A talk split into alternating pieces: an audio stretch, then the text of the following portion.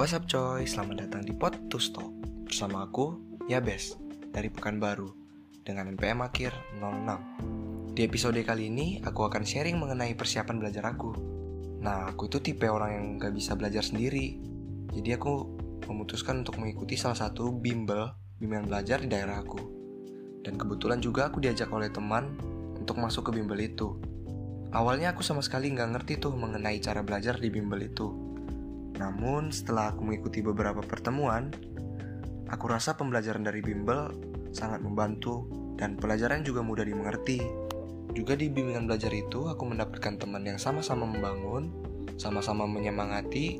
Oleh karena itu, aku merasa semakin yakin dan percaya. Juga aku merasa bahwa ini merupakan pilihan yang benar untuk mengikuti bimbel dan aku juga semakin semangat belajar untuk menghadapi UTBK. Nah, saran aku untuk teman-teman yang susah belajar seperti aku, mungkin teman-teman bisa mengikuti bimbel yang ada di daerah kalian masing-masing.